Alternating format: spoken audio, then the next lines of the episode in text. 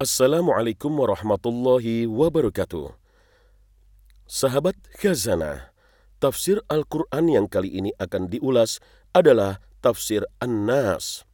Surat ini sudah tak asing lagi bagi kita. Kebanyakan dari kita sudah menghafalnya. Namun, sudahkah kita memahami maknanya? Surat An-Nas disebut juga bersama surat Al-Falaq sebagai surat Mu'awizatain, surat untuk penjagaan diri.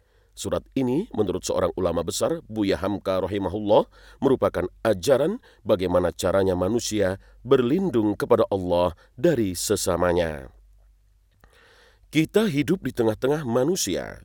Selain dari hubungan kita dengan Allah, kita pun berhubungan dengan sesama manusia. Tidak ada di antara kita yang dapat membebaskan diri daripada ikatan sesama manusia yang bagus menurut pendapat kita belum tentu bagus menurut pendapat orang lain. Langkah cita-cita yang baik belum tentu diterima orang lain. Kalau dipandangnya akan merugikannya, niscaya akan dihambatnya. Maka diajarkanlah pada surat yang terakhir ini bagaimana cara kita menghadapi dan hidup dengan cara berlindung Rabbun Nas, pemelihara manusia, Malikun Nas, penguasa manusia, dan Ilahun Nas, Tuhan bagi manusia. Allah Subhanahu wa Ta'ala adalah Pencipta, Pengatur, dan Pemberi rizki seluruh umat manusia. Tentunya Allah Subhanahu wa Ta'ala bukan hanya Rabb atau Tuhannya manusia, namun juga seluruh alam semesta ini beserta isinya. Al-Malik adalah salah satu dari Asma'ul Husna yang bermakna pemilik kerajaan yang sempurna dan kekuasaan yang mutlak. Sedangkan penyebutan kata ilahin nas, sembahan manusia, adalah untuk menegaskan Allah adalah yang seharusnya disembah oleh manusia dengan berbagai macam peribadatan. Kita perlindungkan diri kepada Allah, pemelihara, penguasa, dan Tuhan dari sarwa sekalian alam, dan khusus dari seluruh manusia dari segala mara bahaya. Tulis Buya Hamka. Apakah bahaya itu? Yaitu dari kejahatan bisikan-bisikan dari si pengintai peluang yang membisik-bisikkan di dalam dada manusia. Dia berbisik-bisik bukan berterang-terang.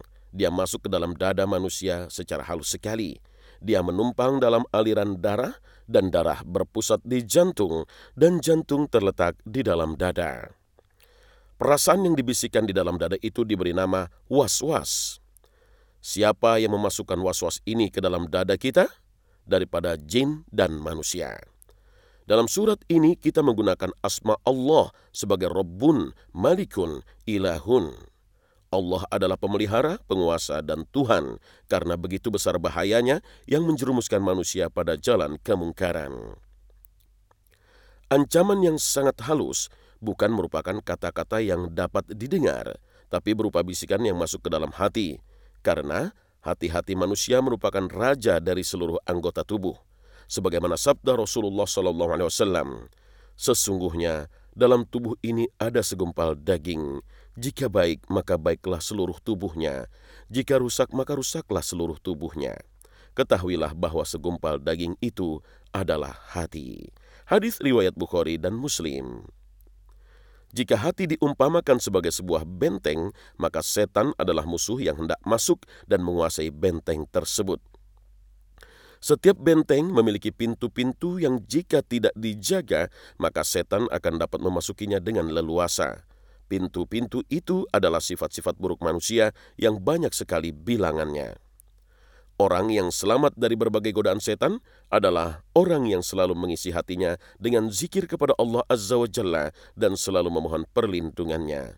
Semoga uraian singkat tafsir ini memberi banyak pencerahan bagi kita semua. Wassalamualaikum warahmatullahi wabarakatuh.